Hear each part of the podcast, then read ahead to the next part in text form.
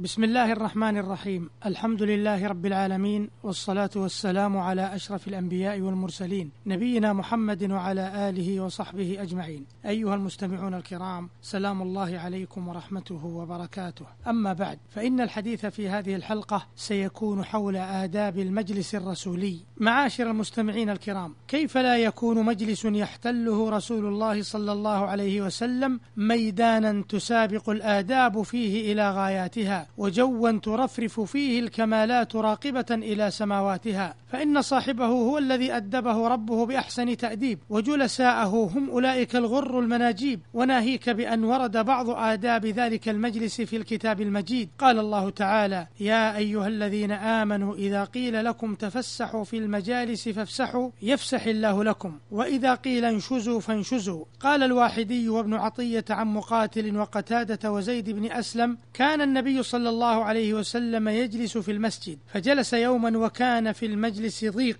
إذ كان الناس يتنافسون في القرب من رسول الله صلى الله عليه وسلم وفي سماع كلامه والنظر إليه. وكان الرسول صلى الله عليه وسلم يكرم أهل بدر فجاء أناس من أهل بدر فلم يجدوا مكانا في المجلس فقاموا وجاه النبي صلى الله عليه وسلم على أرجلهم يرجون أن يوسع الناس لهم فلم يوسع لهم أحد. فأقام رسول الله صلى الله عليه وسلم أناسا بقدر من جاء من النفر البدريين فعرف رسول الله صلى الله عليه وسلم الكراهية في وجوه الذين أقامهم فنزلت الآية. فقوله إذا قيل لكم تفسحوا في المجالس فيما إذا كان في المجلس ضيق فيتفسح الناس بدون أن يقوم أحد. وقوله وإذا قيل انشزوا فانشزوا أي إذا قيل لكم ارتفعوا وقوموا عن المجلس فافعلوا. أي إذا أمركم الرسول صلى الله عليه وسلم في مجلسه بالقيام فلا تتحرجوا وهو ضرب من التفسح. وقيل التفسح يكون بالتوسعة من قعود أو من قيام فهما داخلان في قوله تفسحوا. والنشوز هو أن يؤمروا بالانفضاض عن المجلس. فإذا أمروا بذلك فلا يتحرجوا لأن رسول الله صلى الله عليه وسلم يحب أحيانا الانفراد بأمور المسلمين فربما جلس إليه القوم فأطالوا لأن كل أحد يحب أن يكون آخر الناس عهدا بالنبي صلى الله عليه وسلم وكل ذلك من فرط محبتهم إياه وحرصهم على تلقي هداه.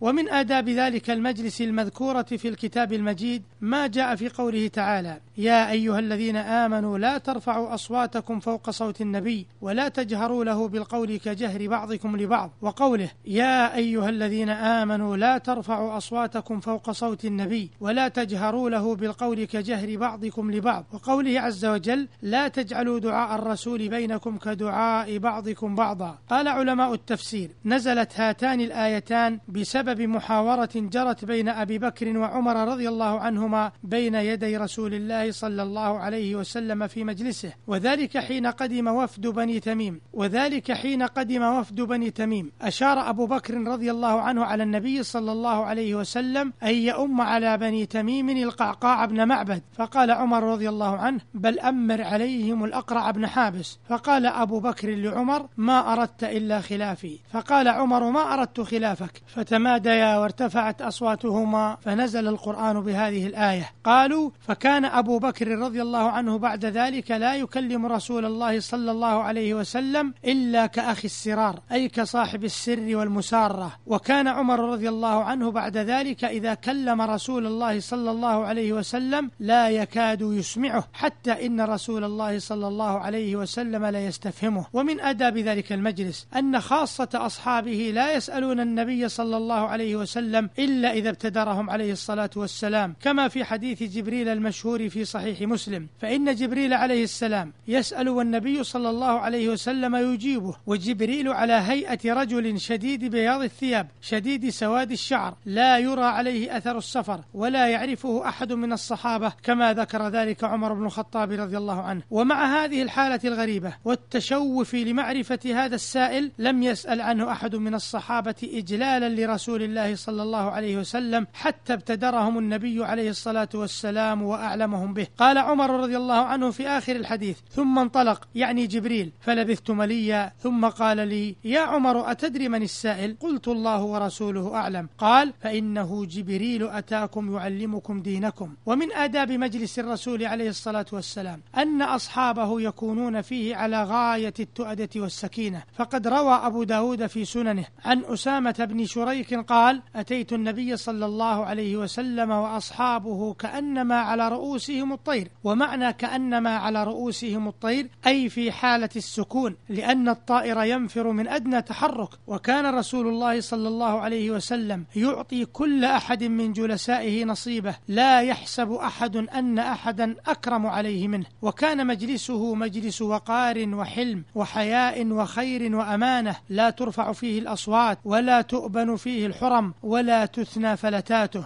ومعنى لا تؤبن فيه الحرم أي لا تذكر فيه حرمات الناس بسوء. يقال أبنه إذا ذكره بسوء. والمراد بالحرم هنا أعراض الناس وما يحرمون تناوله منهم. ومعنى لا تثنى أو لا تثنى فلتاته أي لا تعاد مأخوذ من التثنية وهي الإعادة. والفلتات جمع فلتة وهي الزلة من القول والفعل إذا جرت على غير قصد بغتة. يعني أن أهل ذلك المجلس أهل حفظ للسر وإعراض عن اللغو فلو صدرت من أحد فلتة لم يتناقلها جلساؤه بالتسميع والتشنيع. وهذا أدب عربي رفيع. وفي هذا المعنى قال وداك بن ثميل من شعراء الحماسة وأحلام عاد لا يخاف جليسهم إذا نطق العوار غرب لساني. أيها المستمعون الكرام إلى هنا ينتهي وقت هذه الحلقة. وللحديث صلة في الحلقة القادمة إن شاء الله. يكمل فيها بعض آداب مجلس الرسول عليه الصلاة والسلام. فإلى ذلكم الحين. أستودعكم الله الذي لا تضيع ودائعه. والسلام عليكم ورحمة الله وبركاته.